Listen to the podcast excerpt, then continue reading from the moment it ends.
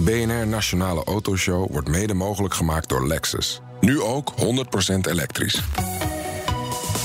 BNR Nieuwsradio. De Nationale Autoshow. Meindert en Wouter. Nog een maandje en dan eh, begint Tim Coronel samen met zijn broer Tom Coronel aan de Dakar Rally in een totaal vernieuwde auto. De Beast 4.0. Ja, die naamgeving, dat doen ze natuurlijk wel goed. Hè? Eh, en normaal zorgt het wisselen voor zomer naar winterbanden deze week voor topdrukte bij bandenboeren. Maar ja, daar is natuurlijk geen sprake van. Je hoort zo waarom. Ja. ja. En in de rijimpressie de elektrische Fiat 500. Jij hebt hem ook gereden. Ja, ik, eh, geinig ding. Paste jij er wel een beetje in? Ja, lengte? Ja, nou, ja, nee. Want dus bij Fiat zei ze, ja, je zit lager nu. En ik ging erin zitten. Ik dacht, nou, nee, gelukkig zit je niet per se heel veel lager. Want op zich zo'n gro- hoge instap is ook lekker. Maar ik kijk dan wel tegen de dakrand aan. Ah. Dat had ik me eigenlijk niet zo herinnerd van de vorige keer Fiat 500 rijden. Zeg maar, de introductie van het oermodel was 2006. Hè. Dit model gaat Zes, ook- zes, zeven? Ja, Wat? dit, dit, Ja. Dit, dit, is bijna youngtimer. Ja. Eh, de eerste Fiat 500 kunnen straks in de youngtimer-regeling mee. Maar hij is dus meer voor mijn formaat.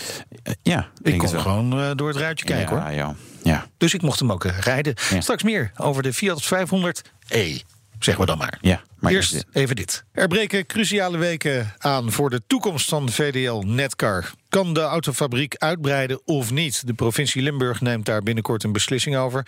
Over dat en meer gaan we praten met VDL Netcar-directeur Paul van Vuren. Welkom in de uitzending. Ja, dankjewel, heren. Nou weten we dat, de dat BMW na 2023 stopt hè, met de productie van auto's bij VDL Netcar. Deze week maakte u bekend dat het eh, productievolume komend jaar al omlaag gaat, waardoor er 750 banen moeten verdwijnen. Was dat besluit onvermijdelijk? Ja, gisteren was natuurlijk eh, de dag dat we slecht nieuws hadden te melden. Eh, dat lag, hing natuurlijk al wat langer in de lucht. De autoverkopen die laten sinds september 2018 een daling zien.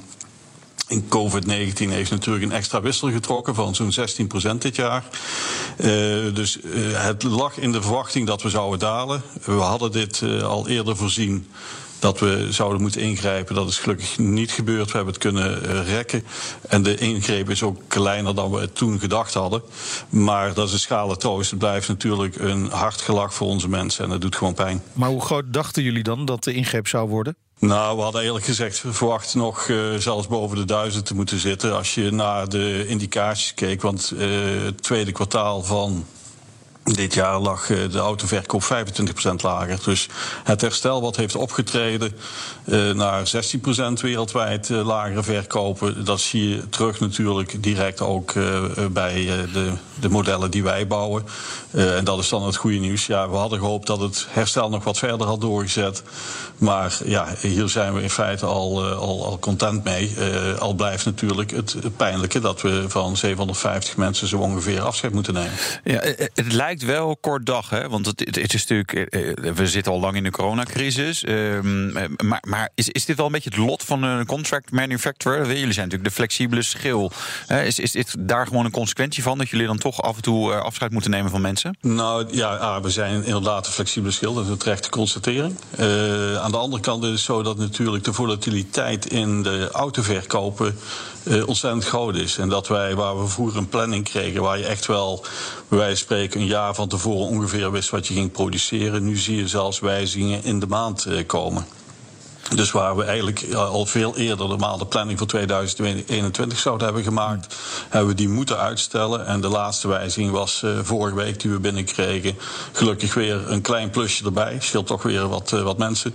Eh, dus we hebben eigenlijk zo lang mogelijk gewacht om, de, om ons schema zo goed mogelijk af te stemmen. Eh, en dat is denk ik belangrijk ook naar de mensen toe. Dat op het moment dat je gaat, dat je dan ook zegt van dit is het. Ja, ja. Dus, Ja. eh, Ja, maar is dit het dan we ook hebben wat echt, dat betreft, eh, net zoals de, de merken zelf, last van die volatiliteit. Ja. Eh, en, en, en als VCM, hè, Vehicle Contract Manufacturer, zijn we daar natuurlijk extra doorgetroffen. Maar, maar is dit het dan ook echt? Want we zitten natuurlijk gewoon nog steeds in de coronacrisis. Faillissementen bij andere bedrijven komen eraan.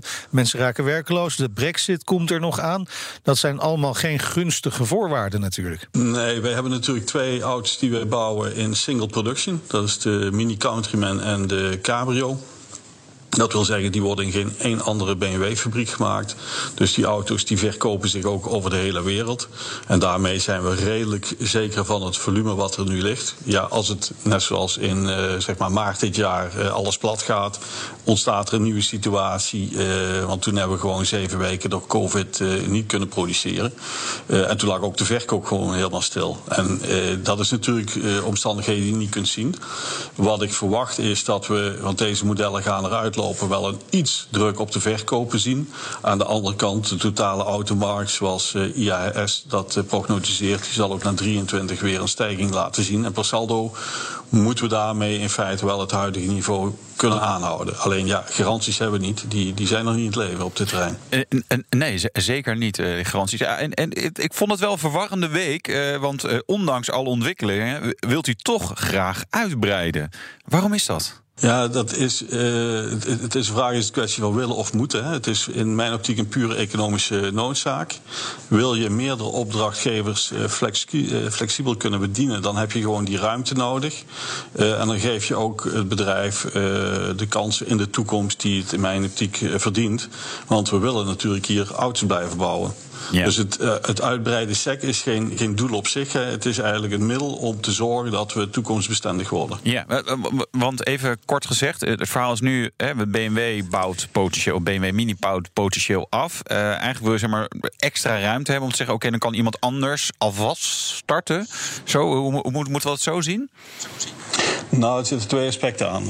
Eén uh, is dat je kunt niet zomaar uh, een tweede uh, merk op de lijn zetten. Wij hebben in het verleden meerdere merken geproduceerd, maar die hadden ook ieder met name hun eigen carrosserie al. En de uitbreiding die hebben we nodig om een nieuwe carrosseriehal met name te kunnen bouwen in de eerste fase en dan door te pakken natuurlijk naar de andere onderdelen van ons bedrijf. de lakstraat en de final assembly waar de auto wordt afgebouwd. Um, die bodyshop die wij hebben, die carrosserie shop, die is nu helemaal dedicated BMW. Uh, en daar kan, uh, kun je geen andere auto op maken. Dus wij hebben gewoon uh, de uitbreiding nodig. en je kunt ook niet van, als een BMW vandaag stopt, morgen een andere auto op uh, die lijn bouwen. Dus uh, je moet al in de aanloop naar zeg maar, het stoppen van BMW zorgen dat je een tweede uh, partij krijgt. Die dan in feite waar je mensen naar kunt transfereren. In ja. 2012 hebben we gezien dat Mitsubishi in feite stopte. En toen hebben we de fabriek in anderhalf jaar tijd omgebouwd. Ja. en hebben alle mensen toen naar huis moeten sturen. Ja. Dat willen we graag voorkomen door die uitbreiding. Nou, Zo'n uitbreiding dat is niet goedkoop hè, bij een autofabrikant. dat is wel even iets meer dan een paar stenen stapelen. Wat moet dat gaan kosten? Dat ligt er helemaal aan, aan de vraag die op ons afkomt. Uh, de, de, de, andere kant. Want ja, als het goed is, heeft u daar inzicht in welke vraag er op u afkomt. Toch? Nou, dat, dat, dat kunnen natuurlijk verschillende seriegroottes zijn. Dat ja. kunnen meerdere partijen zijn. Ik bedoel, je, je zult uiteindelijk. Hè, onze fabriek is een echte productiefabriek. Met andere woorden, we hebben echt wel een volume van boven de 100.000 auto's per jaar nodig. Mm -hmm willen wij een beetje economisch kunnen draaien en die grote kapitaalsinvestering die hier al staat in, in stand kunnen houden. De afgelopen jaren hebben we toch met BMW zo'n uh, miljard geïnvesteerd. En als je een compleet nieuwe fabriek bouwt, die hebben we vorig jaar voor een andere partij uitgerekend, dan praat je toch gauw over een prijs van tussen de 800 uh, miljoen en 1,2 miljard. Wij hebben uh, zo'n 60 hectare grond gekocht. En we zijn bezig met de vergunningen met provincie en bij de gemeente. En dat, dat loopt goed. Uh, en als we dat kunnen afronden, dan hebben we ook de ruimte om in feite uh, een, een, bij wijze van spreken een tweede fabriek neer te zetten. En, en die financiering, hoe moet die tot stand komen? Want ik ga er toch een beetje vanuit dat VDL dit niet in zijn eentje wil of kan ophoesten. Nou, ik denk dat het altijd goed is om uh, te zorgen dat, uh, dat we daar meerdere partijen bij betrekken. Uh, natuurlijk zijn we zelf in staat om een, een, basisinvestering te doen. meestal is het zo dat de opdrachtgever ook een bepaalde investering doet. Ja. die, die draagt daaraan bij. En de derde partij zijn natuurlijk de financiers die we kennen, of het nu banken zijn of equitypartijen. Dat, dat ligt er dan aan, daar gaan we wel naar kijken. Of de provincie. Nou, ik denk niet dat dit op de weg ligt van de politiek om dit uh, uh, te financieren. Maar toch uh, moet er wel toestemming komen, toch, van de provincie? Heb ik in ieder geval begrepen. Ja, de provincie, wij werken met de provincie aan het provinciaal inpassingsplan. Hè. Dat is in feite de bestemmingsvergunning en de bouwvergunning. Ja. Dat is een inclusief proces. En uh, daarvoor werkt de provincie mee. Uh, de tweede is wat er speelt, is de infra rond ons bedrijf. Ja. Uh, en die infrastructuur die behoeft daarvoor een aanpassing.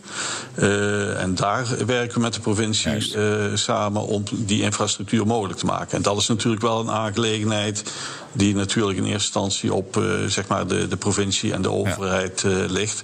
Waarbij wij overigens substantieel bijdragen als Netcar. Ja, nou, nou wil de provincie natuurlijk wel daar garanties voor. Hè, dat uh, die investering die zij doen in de infrastructuur rondom de fabriek, dat die niet uh, uh, vergeefs is. Dat het ook zin heeft. Kunt u die garanties ook geven? Wij hebben met de provincie duidelijke afspraken over dit, dit proces.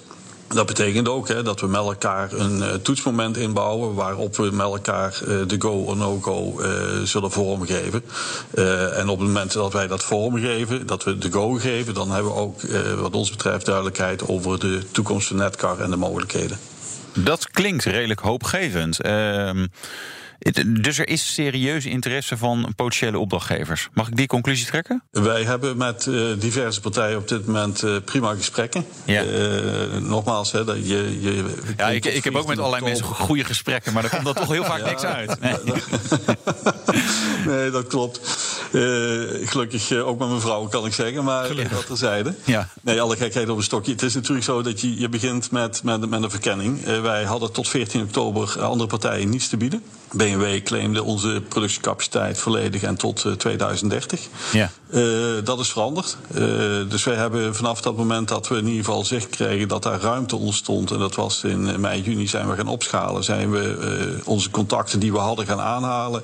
En zijn we ook de markt gaan verkennen, met name China en Amerika verder in kaart gebracht. En zijn we ook met het NVIA daar vol aan de bak gegaan om te accureren.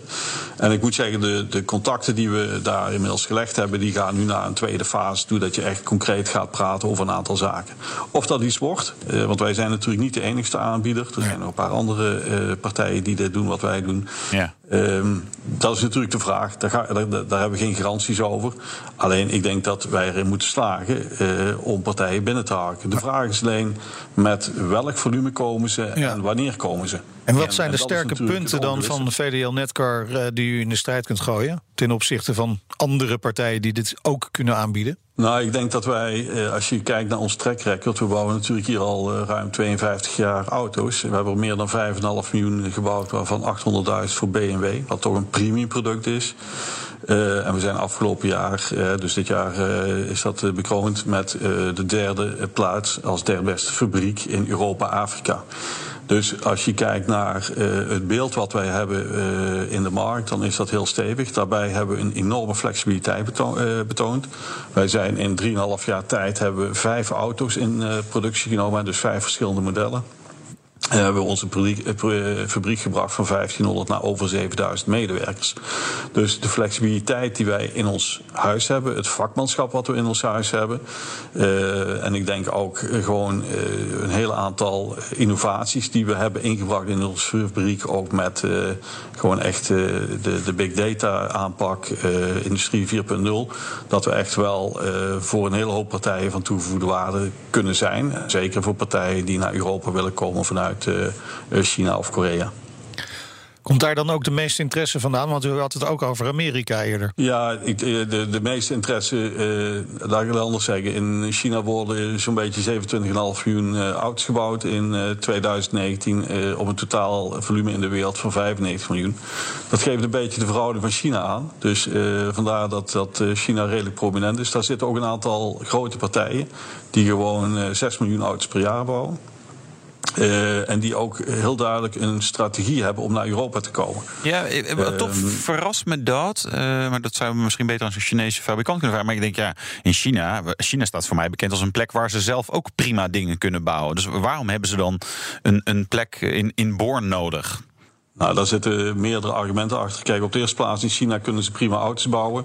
Maar die zijn wel afgestemd op uh, zeg maar die Chinese, de Aziatische markt. Uh, de Europese markt heeft andere uh, wettelijke voorschriften. net zoals Amerika andere voorschriften heeft. En die Homologatie, uh, daar hebben ze hulp bij nodig.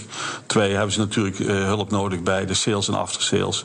Uh, en daaraan gekoppeld, als de schaal voldoende groot is, hè, dus als het aantal voldoende groot is, dan heb je gewoon voldoende voordelen als het gaat om de efficiëntie, de invoerrechten die erbij komen, et cetera. Dus graag hebben ze ook de verbondenheid met een Europese partij. Dat maakt ook het betreden van de Europese markt voor hun iets makkelijker. Dus je ziet wel hè, dat de USP's die wij hier hebben, ook door onze ligging, eh, toch redelijk centraal in het Europese land. Ehm, eh, de positie die we hebben, ook door onze prima kwaliteit die we leveren. Uh, ja, dan, dan merk je gewoon dat ze daar interesse in hebben om met ons samen te werken. Ja, en die partijen. En dat kan op heel verschillende vormen zijn. Ja, precies. En die partijen waar jullie mee, mee praten, zijn dat partijen die al voorzichtig actief zijn in Europa of die echt nog vers moeten starten? Nee, beide. Ik, uh, je, je, ziet dat een aantal uh, partijen nog niet in Europa zijn, maar wel een hele duidelijke strategie hebben en heel duidelijk hebben uitgerold wat ze willen bereiken in Europa. Dus die staan echt aan de vooravond van en die zijn echt op zoek naar een samenwerking die wel verder gaat dan alleen maar het laten bouwen van een auto. Die willen ook echt, wij, wij doen maar een bepaald gedeelte van de, van de value chain van de automotive-industrie. Die willen ook in het voorgedeelte bij het ontwerp, prototyping, homologatie aan de slag en ook met sales after sales. Nou, dat, dat kunnen we faciliteren, eventueel met andere partners samen, maar ook vooral binnen de VDL-groep. Dus daar zie ik, uh, denk ik, goede mogelijkheden dat we ze ook nog kunnen ondersteunen gewoon in dat proces. En er zijn erbij die natuurlijk, en die kennen jullie eh, qua naam al hier eh, spreken de eerste shops hebben. Eh, en die gewoon al bezig zijn met die markt betreden. Ja. Dus beide zijn, zijn, zijn aan de orde. Ja, bijvoorbeeld uh, Polestar, hè, ja. Volvo. En hebben jullie al mooie historie, dus. mee, historie mee. Maar nee, ik ben aan het vissen. uh, aan de andere kant bedacht ik mij... Um, Brexit, um, Mini, hè, dat is natuurlijk in Engeland produceren... maar er produceren ook wat Japanse autofabrikanten daar. zijn daar nog mogelijkheden? Dat, dat er een partij is die zegt... nou, ik ben dit gedoe in Groot-Brittannië zat.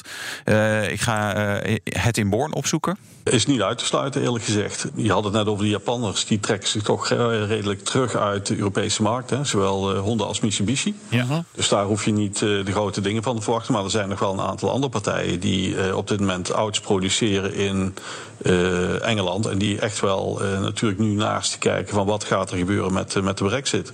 Ja. Dat kan inderdaad een gamechanger voor ons zijn. we hebben natuurlijk een aantal kansen in de markt. dat heeft ook met elektrificatie te maken. De investeringen die de bestaande merken moeten doen in connected drive en in het autonoom rijden, dat, dat vergt miljarden. En wij kunnen ze natuurlijk wat dat betreft ontzorgen qua investeringen in een reguliere fabriek. We hebben de capaciteit beschikbaar. En dat zie je ook bij de Europese merken die echt zeggen van ja, op dit moment hebben we overcapaciteit. En we hebben natuurlijk ook, ook zelf in eigen geleden onrust omdat we mensen uh, aan het afbouwen komen. Maar wij komen wel op die markt. En wij hebben ook behoefte aan uh, de activiteiten die jullie doen als VCM. Uh, eh, om naar de toekomst toe uh, dat uit te besteden. Dat was vroeger eigenlijk een beetje toch wel een gospel voor die mensen. en tegenwoordig is het gewoon staat op de strategische agenda van iedere grote OEM in Europa. Ja, nou dus ik, er zijn zeker goede kansen. Het grootste okay. probleem wat wij zien is in feite dat we in 23 een zo naadloze aansluiting hmm. krijgen qua productie met een ander merk. Dat is ja. de, de puzzelstuk die in elkaar moet vallen. Hebben we dan voldoende volume en kunnen we zorgen dat we onze mensen niet naar huis hoeven te sturen, ja, ook al is het tijdelijk. En dan is het wel heel prettig als je inderdaad al uh, een opdrachtgever eh, in huis hebt. Ik kan me voorstellen dat het best ingewikkelde processen zijn, ingewikkelde ja. gesprekken. Hoe lang gaat het nog duren? Nou ja, het, het is uh, geen pakje boter. Hè. Als nee. je gewoon kijkt dat uh, gesprekken die we met BMW hebben gevoerd, gevoerd gemiddeld genomen zijn anderhalf jaar vergen.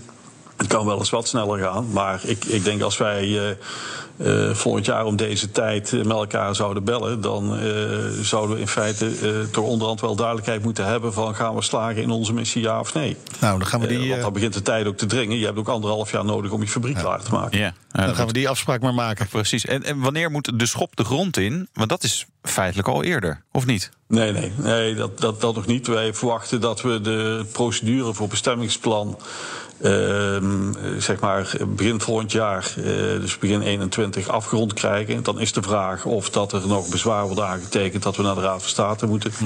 Maar dan zou na de zomervakantie zou, uh, zou dat zover moeten zijn. Dus als we eind volgend jaar de schop in de grond kunnen zetten, dan zou dat passen. Maar goed, dan hebben we natuurlijk wel die opdrachtgever nodig die dat verantwoordt om die investering te doen. Heel veel succes met, met de gesprekken en we spreken elkaar in ieder geval over een jaar ongeveer weer. Of eerder. Of eerder verder natuurlijk. Paul van Vuren, directeur van VDL Netcar.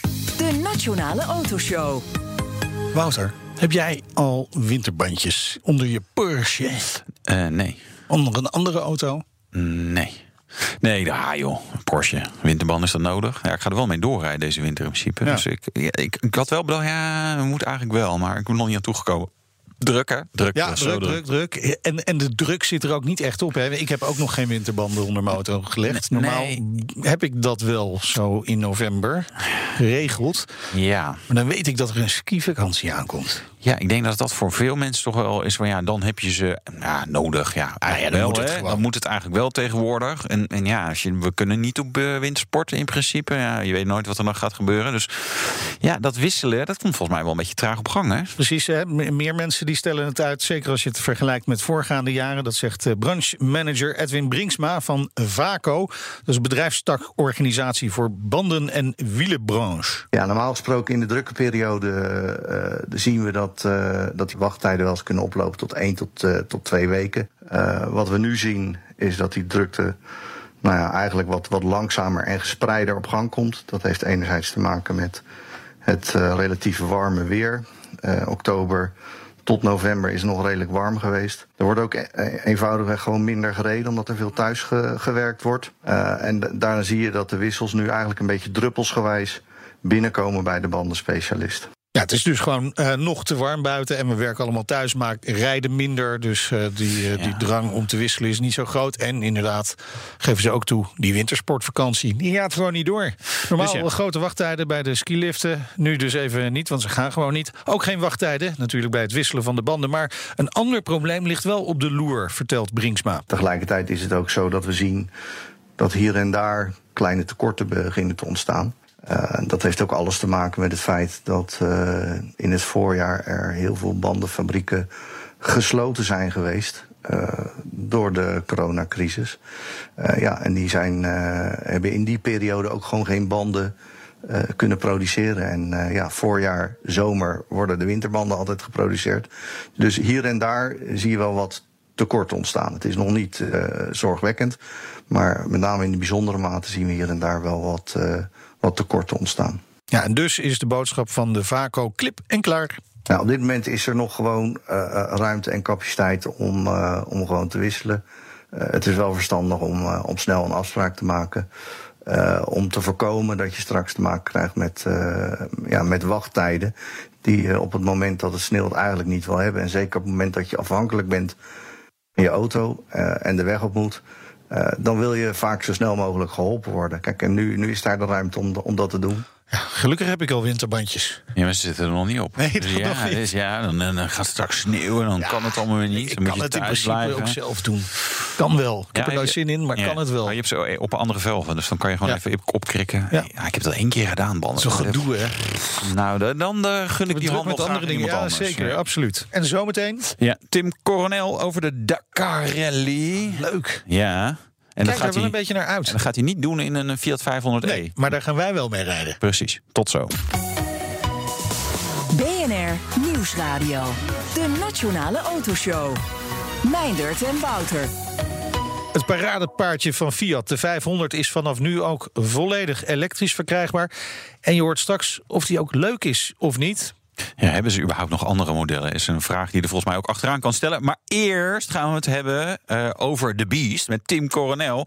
Ja, over precies een maand gaat hij samen met zijn broer Tom eh, de Dakar Rally, rally rijden.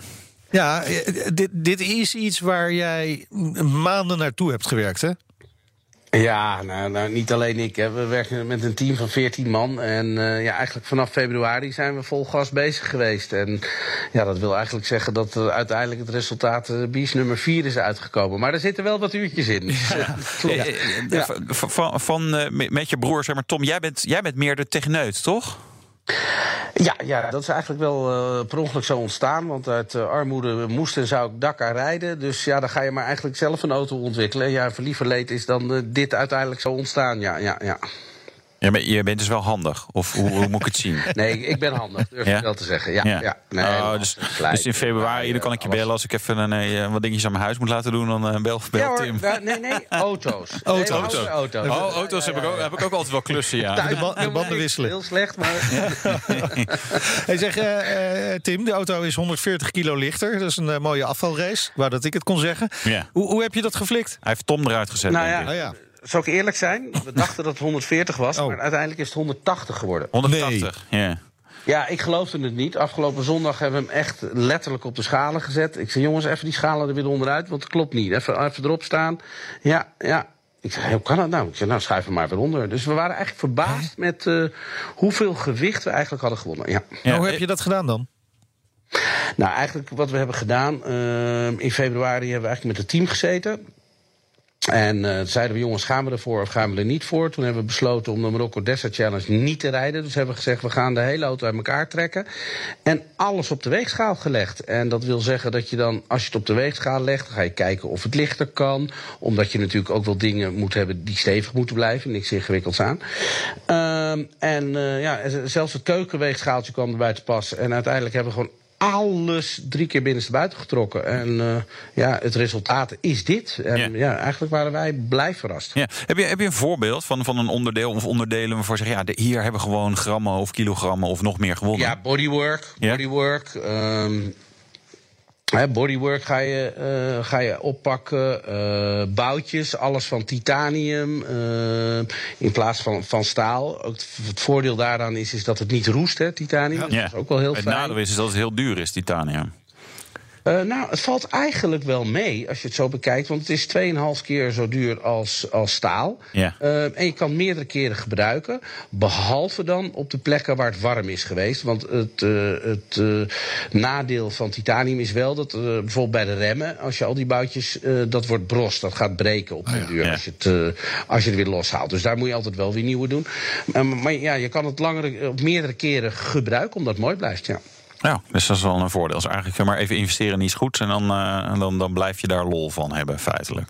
Ja, ja, ja, ja. ja. Dus, dus uiteindelijk ben ik daar eh, ja, eigenlijk wel trots op. Dus daar hebben we best wel wat kilo's gewonnen. Ehm, we hebben ook de. Je moet je voorstellen, in een raceauto of een dakauto zoals wij heb je heel veel vloeistoffen. Wij rijden met een converter. Dat is eigenlijk een koppeling die aangedreven wordt door olie. Ja. Eh, dat, gaat, eh, dat gaat ook weer naar een koeler. Ehm, dus je hebt heel veel leidingen. Nou, we hebben alle liquids, dus vloeistoffen die in de auto zitten, hebben we allemaal op een andere positie geplaatst. Waardoor alle leidingen korter zijn geworden. En daarnaast de leidingen ook lichter zijn geworden. Dus we hebben 18 eh, kilo hebben bespaard op de leidingen zelf. Heb ik het nog niet eens over de inhoud. Ehm, en 21 meter minder leidingen zitten erin. Dus ja, dat is ook zomaar weer ja, tegen de 40, 50 kilo aan. Ja, ja dat gaat Ja, wel hard. Als je dat dan Ja. helemaal doorrekent, dan, dan geeft dat natuurlijk eh, uiteindelijk 180 kilo. Dat betekent dat 11% van de auto lichter is geworden. Ja. Maar, en zo denken wij weer, ehm, dat is bij het gasgeven, bij de remmen, bij de bochten, is dat allemaal weer ook die 11%. Dus Ja. ja. ja, daar zijn we blij mee. Ja. Is dit het uiterste wat mogelijk is qua gewichtsbesparing? Of, of zijn er nog wel wat ideeën van denk, nou, in februari 2021 gaan we weer lekker door. Ja, je denkt elk jaar dat het niet verder kan. Maar het kan verder. Ehm, Maar het kan verder, daar zijn we ook al achter gekomen. Maar alleen op een gegeven moment, wij hebben nu op een gegeven moment een stop erop gezet. Van gezegd, oké jongens, anders gaan we het ons te moeilijk maken time-wise. Ehm, want je hebt natuurlijk met toeleveranciers en dat soort Ja. dingen heb je te maken. Hebben, hebben we een stop erop gezet, maar ik denk dat er nog wel wat kan. Maar dat, ja, dat moeten we volgend jaar dan maar proberen. Nee, heb je nog een uitdaging in ieder geval. Het is natuurlijk één manier om de auto eh, eh, eh, sneller te maken... Hè, door het gewicht omlaag te brengen. Jullie Ja. hebben ook de aerodynamica aangepast. Wat hebben jullie veranderd?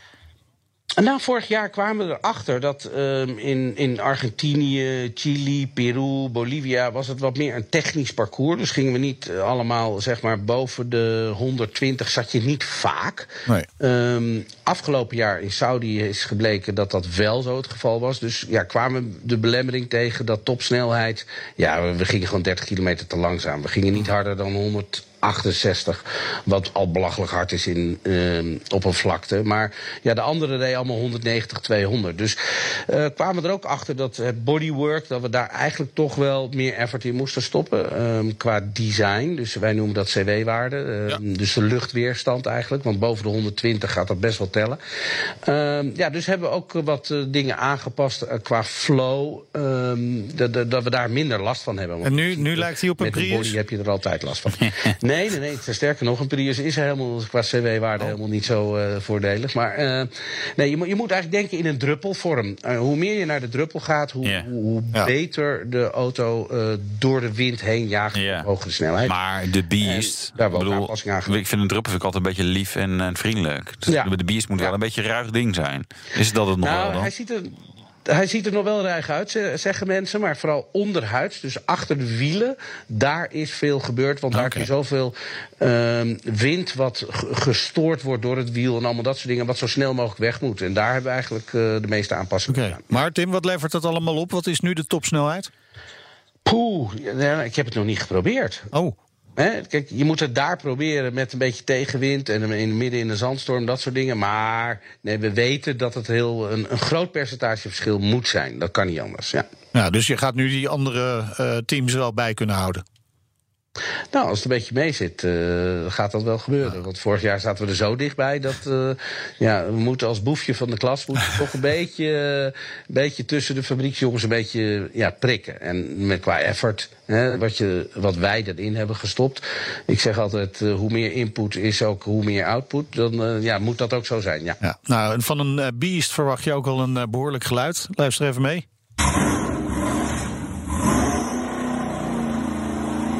Lekker hè?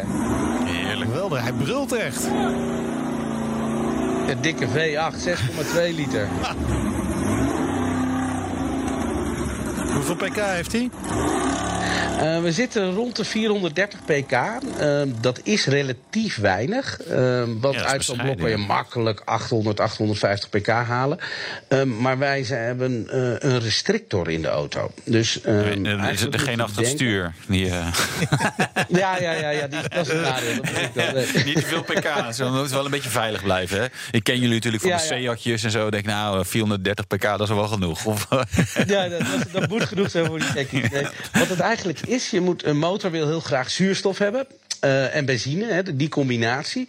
Uh, maar als jij nu een rondje gaat rennen en ademt door je mond, dan moet je bedenken dat daarna plak ik je neus en je mond dicht en mag je door een rietje ademen en dan loop je nog een keer een rondje. Nou, ja. dat is er ook bij de auto gebeurd. Um, dat is reglementair zo dat je eigenlijk vanaf normaal zie 9 centimeter doorsnee, hoeveel die mag ademen, maar ja. nu maar uh, 37,2 millimeter. Dus ja, dat, dat is nogal wat. Maar nog steeds 430 pk en 630 newtonmeter aan koppel.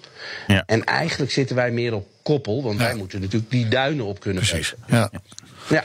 Afgelopen weekend deed je de zogenaamde de shakedown hè, met de auto. Voelde het allemaal goed? Ja, uh, ja en nee. Ik ben altijd eerlijk in dat verhaal, want het is nooit goed genoeg. Uh, maar alle functietesten hebben we uitgevoerd en daar waren we heel content mee. Um, alleen ja, qua setup vering zou ik nog wat dingen willen verbeteren. Daar zijn we helaas niet. Uh, dat programma hebben we nog niet af kunnen werken. Maar we hebben ook nog twee dagen in Saudi. En dan kunnen we daar de puntjes op die zetten. En dan, dan pas ben ik content. Ja.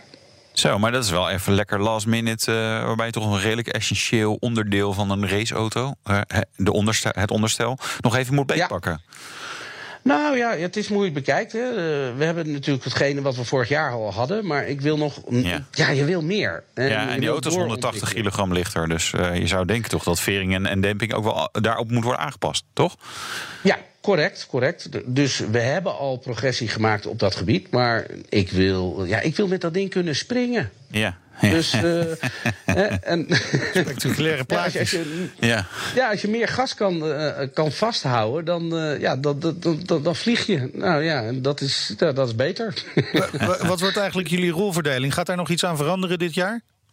Ja, zeker. zeker. Uh, wij zijn dit project ooit begonnen dat we samen het avontuur aan zouden gaan. En samen bedoel Tom en ik natuurlijk. Ja. ja. Um, en mijn doel is, is dat Tom meer gaat rijden. Want uh, uh, ook al vindt hij navigeren heel leuk de afgelopen jaren, hij heeft er altijd naast gezeten, maar hij voelt wat ik doe. Uh, maar ik wil dat hij dat gevoel ook een beetje meemaakt. En ja, die deal hebben we gemaakt. Dus Tom zal ook voor het eerst eigenlijk deelnemen achter de stuur. Oké, en is dat goed of slecht nieuws voor jullie klassificering? ja, dat kan ik daarna pas zeggen. hey, maar, maar Tim, Tom heeft dit al wel vaker gezegd, hè, dat hij meer ging rijden. Gaat het nu ook echt, echt gebeuren? Nou ja, het is heel simpel. Ik stap gewoon in de navigatorskiet op bepaalde routes. Dus, ja, uh, succes ermee. Wie er dan ja. instapt achter de stuur, dat zal wel. Ja, Maar zo gaat het wel gebeuren. Ja. Dat rechterpedaal is gas geven en dat, dat middelste... Nee, je hebt een automaat natuurlijk, hè? Dus het linkerpedaal is remmen. Ja, het is een automaat. Ja, ja, niet tegelijk helemaal intrappen, dan gebeuren er gekke dingen. Maar uh, jullie waren 27ste even uit mijn hoofd dit jaar, hè? Wat, wat, ja, afgelopen... Ja, dit jaar was dat. Waren jullie heel tevreden bij? Maar ik denk, nou ja, 27 twintigste. Weet je, ga je top 20? Wat, wat, wat is het doel dit jaar? Nou, het doel was vorig jaar top 20. En ja. uh, we waren op koers. We lagen geloof ik 21ste, totdat ik hem uh, even een koprol gaf. Ja. Uh, dat was twee dagen voor het einde. Even een koprolletje. Dus ja, verloren we tijd. En ja, toen vielen we net, net buiten die top 20. dat was het doel. En moet je voorstellen, je hebt allemaal fabrieksauto's of klantauto's van de fabriek. Ja, er zitten ongeveer 30 van de echte, echte, echte, echte toppers bij. Ehm, dus ja, als we daar kunnen, tussen kunnen roeren als boefje van de klas, dan doen wij gewoon een belachelijk goede job. Um, en, en, dat is nog steeds ons doel. Dus top 20, uh, daar gaan we voor. Uh, wij hebben ook een auto die in principe ook een nadeel heeft, omdat we iets zwaarder weer mhm. zijn dan de fabrieksauto's. Uh, omdat wij in het score-klassement rijden. Uh, dat is een buggy uit Amerika eigenlijk. Uh, ja, die klasse die moeten we sowieso winnen. Hebben we ook elk jaar gedaan, dus dat, dat moeten we sowieso voor gaan. Maar ja, we willen een beetje prikken tussen de, tussen de echte boys. Ja. Nou, we hebben heel veel sportevenementen natuurlijk te maken met allerlei coronamaatregelen. Maar ja, jullie rijden in de woestijn. Dat maakt allemaal niet uit. Er rijdt toch niemand verder.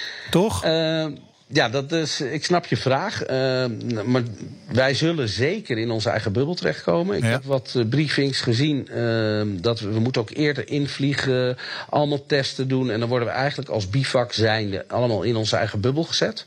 er zijn heel veel restricties, dat we niet ook naar andere teams mogen en allemaal oh, ja. dat soort dingen. Ja, verder komen we in principe niemand tegen. Dus nee, ik ga ervan uit dat dat wel, wel goed komt, ja. Start is 3 januari? Ja. Wanneer vertrekken jullie? Uh, wij gaan de 27e vliegen wel die kant op. Uh, dan worden we in quarantaine gezet. Uh, als team zijnde. En ik geloof drie, vier dagen. En dan moeten we allemaal testen doen en weet ik veel wat allemaal. Ik weet niet precies het schema, maar ja. de eerste mogen we de auto ophalen. Dan is het een dagje een, uh, even sleutelen. Even testen, het onderstel nog uh, even goed krijgen. Testen. ja, jij ja. snapt hem. Ja. En dan, en dan ja, moeten we hem de tweede inleveren. Ja, derde start. Ja, en wel lekker. Verder zijn er gewoon niet zo heel veel sportevenementen natuurlijk, hè? Nu. Dus nee. alle aandacht nee, op jullie. Nou ja, ik vind het niet erg, maar dan moeten we het ook goed doen. En uh, dat is me eer te na. Dus uh, eerlijk is eerlijk. Ik ben een beetje techneut. Uh, maar het gaat uiteindelijk als team zijnde met onze partners om het avontuur. En gewoon wat moois te laten zien aan de wereld. Ja. Heel veel succes en dank voor het gesprek. Tim Coronel. Dank je wel. goed aan Tom, hè? Ja, doen we. Oké, okay. doei, doei, doei, doei. De rijimpressie. En Meinert die test de elektrische Fiat 500, waarvan ik de naam nog steeds niet weet. Uh, en dit is het resultaat.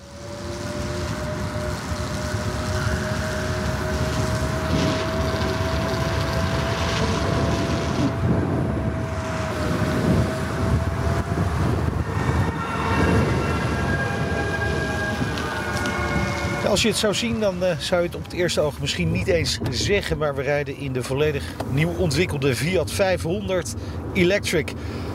Je moet de oude en dit nieuwe model maar even naast elkaar zetten om de verschillen te zien. Maar dan valt ook wel snel op dat de auto wat groter is geworden. 6 centimeter breder, 6 centimeter langer. Dat is gelijk ook misschien wel de grootste aanpassing uiterlijk gezien. Want uh, ja, verder lijkt hij wel heel erg op de 500 uit 2007.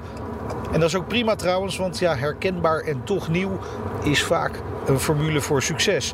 Kleine aanpassing is nog uh, trouwens het halfronde ledstripje in de klep boven de koplamp. Alsof die met een uh, kleine onderbreking doorloopt in de motorkap. Dat is wel leuk gedaan. Nou, wat design betreft heeft het uh, Italiaanse rugzakje het dan ook wel weer goed voor elkaar. Hè? Het interieur ziet er gewoon gelikt uit. En hoewel ze natuurlijk niet dezelfde materialen gebruiken als bijvoorbeeld een, uh, een Maserati, ziet het er allemaal toch best wel stijlvol uit. Grote plus is trouwens in de luxere varianten het heuse infotainment systeem met alle moderniteiten. Leuk detail is dat in het oplaadvakje voor de smartphone de skyline van Torino is verwerkt. De stad natuurlijk waar de 500 oorspronkelijk is geboren. Je vergeet het ook weer snel. Het is ook niet belangrijk, maar ja, ik hou er toch wel van, hè, dat soort historische verwijzingen. Opvallend is trouwens hoe ruim de 500 eigenlijk aanvoelt. Met een groot gezin heb je er natuurlijk helemaal niets aan, maar die 6 centimeter extra in de lengte en de breedte, die helpt toch wel. Je kunt best wel wat meenemen op de achterbank. Achterbak daarentegen, ja, die is gewoon weer uh, piepklein. Kun je nog nauwelijks een smurfing kwijt. Maar ja, dat was altijd al zo. De Fiat 500e Electric wordt op dit moment trouwens geleverd met uh, twee elektromotoren. Instappen doen we voor een kleine 25.000 euro. Dan krijg je een uh, accu met bijna 24 kilowattuur aan uh, capaciteit. Betekent officieel zo'n 180 kilometer actieradius. In de praktijk kun je daar zeker 60 kilometer van afhalen als het al niet meer is. Nou, ik zou zelf toch echt wel de voorkeur geven aan de wat duurdere pakketje. Het 42 kilowattuur. Die heeft een WLTP-range van 320 kilometer. Het zal in de praktijk wat meer dan 200 kilometer zijn. En dat moet over het algemeen gewoon voldoende zijn voor wat het toch is, een stadsauto. Hè? En uh, daar zal die voornamelijk gebruikt worden. Regenereren doet hij natuurlijk ook. Je kunt met één pedaal rijden. Je hebt eigenlijk de rem niet meer nodig. En dat is best wel snel wennen. Je went er gewoon aan. Prima. Je zou misschien verwachten ook dat uh, je best lekker met deze 500 zou kunnen scheuren. He, wielen staan aardig op de hoeken. Laag zwaartepunt door het accupakket. Compact is de auto. Natuurlijk ook direct vol vermogen door de elektromotor. Toch valt het allemaal een beetje tegen. Wellicht was het met uh, achterwielaandrijving gewoon een stukje beter geweest. Wat leuker. Maar ja, dat kunnen we niet testen, want het is er niet. Klein kansje gemist misschien, maar ja, ach, gelukkig heeft deze variant een heerlijk stoffen cabrio dak. Dat is ook leuk, voor als de zon weer eens gaat schijnen. Ja, de Fiat 500e. Jij hebt hem ook gereden, zag ik, want ik eh, kwam daar aanscheuren met dat ding. Ja, stond ik er al. Stond je er al Ja, te filmen, ja, een beetje ja. knap te zijn en zo. Ja, probeerde ik. Ja, Lifestyle, eh, lifestyle, ja, moest wel uitstralen natuurlijk. Ja. Ja, ik vind, ik vind het op zich wel een geinige auto. Ik vind, ik vind ze, zijn natuurlijk niet heel vroeg, maar dat zijn de meeste fabrikanten die met elektrisch. Het is aan de ene kant geen dure EV, maar voor een Fiat 500 is wel gewoon, Ja, gewoon want, een bak want de, de normale 500, gewoon de, de, de meest simpele versie. Ja, vij- 14 of 15.000 euro even uit mijn hoofd. Deze is vanaf 24, maar dan heb je die, die kleine Ja, accu, kleine- die wil je nee, niet. Dat nee. heeft gewoon helemaal geen Wat ik net ook al zei, Eh, inderdaad. ja, dus je moet de grotere, dus dat is de 28,5.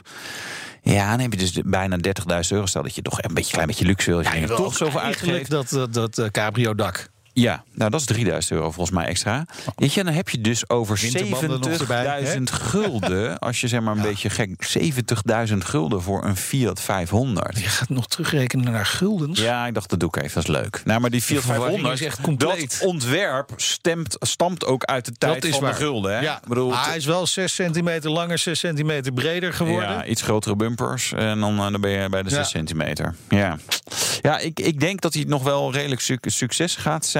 Eh, maar ik vond ook wel een teken dat ik dacht... het, echt, oh, het is echt een auto voor, voor makelaarskantoortjes. Ja. Gewoon lekker door het stadje rijden. Ja. Fiat 500e, lifestyle. Het ziet Ja. er goed uit, echt waar. ja, Leuk ding. Ja, hij rijdt... mm, Ja. eh, Oké, ik, vond niet, vond dat niet heel sensationeel. Nee, vind je ook niet dat hij gewoon achterwielaandrijving moet krijgen? Ja, dat had zeker gemoeten. Ja, Dat is nog een kleine tip richting eh, ja Fiat. Fiat. Luister nou wat vaker naar ons. Zo is dat is sowieso een goede tip voor jullie uit de Het autobranche. is eigenlijk voor iedereen een goede tip. Ja, Dit was de Nationale Autoshow. Terugluisteren kan via de site, de app, Apple Podcast of Spotify. Dat is het fijne voor al die mensen. Ze Ja. kunnen ook terugluisteren. Terugluisteren, dan kan je al die adviezen van ons nog even goed eh, horen. Nou, vergeet je niet te abonneren.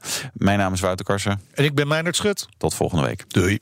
De BNR Nationale Autoshow wordt mede mogelijk gemaakt door Lexus. Nu ook 100% elektrisch.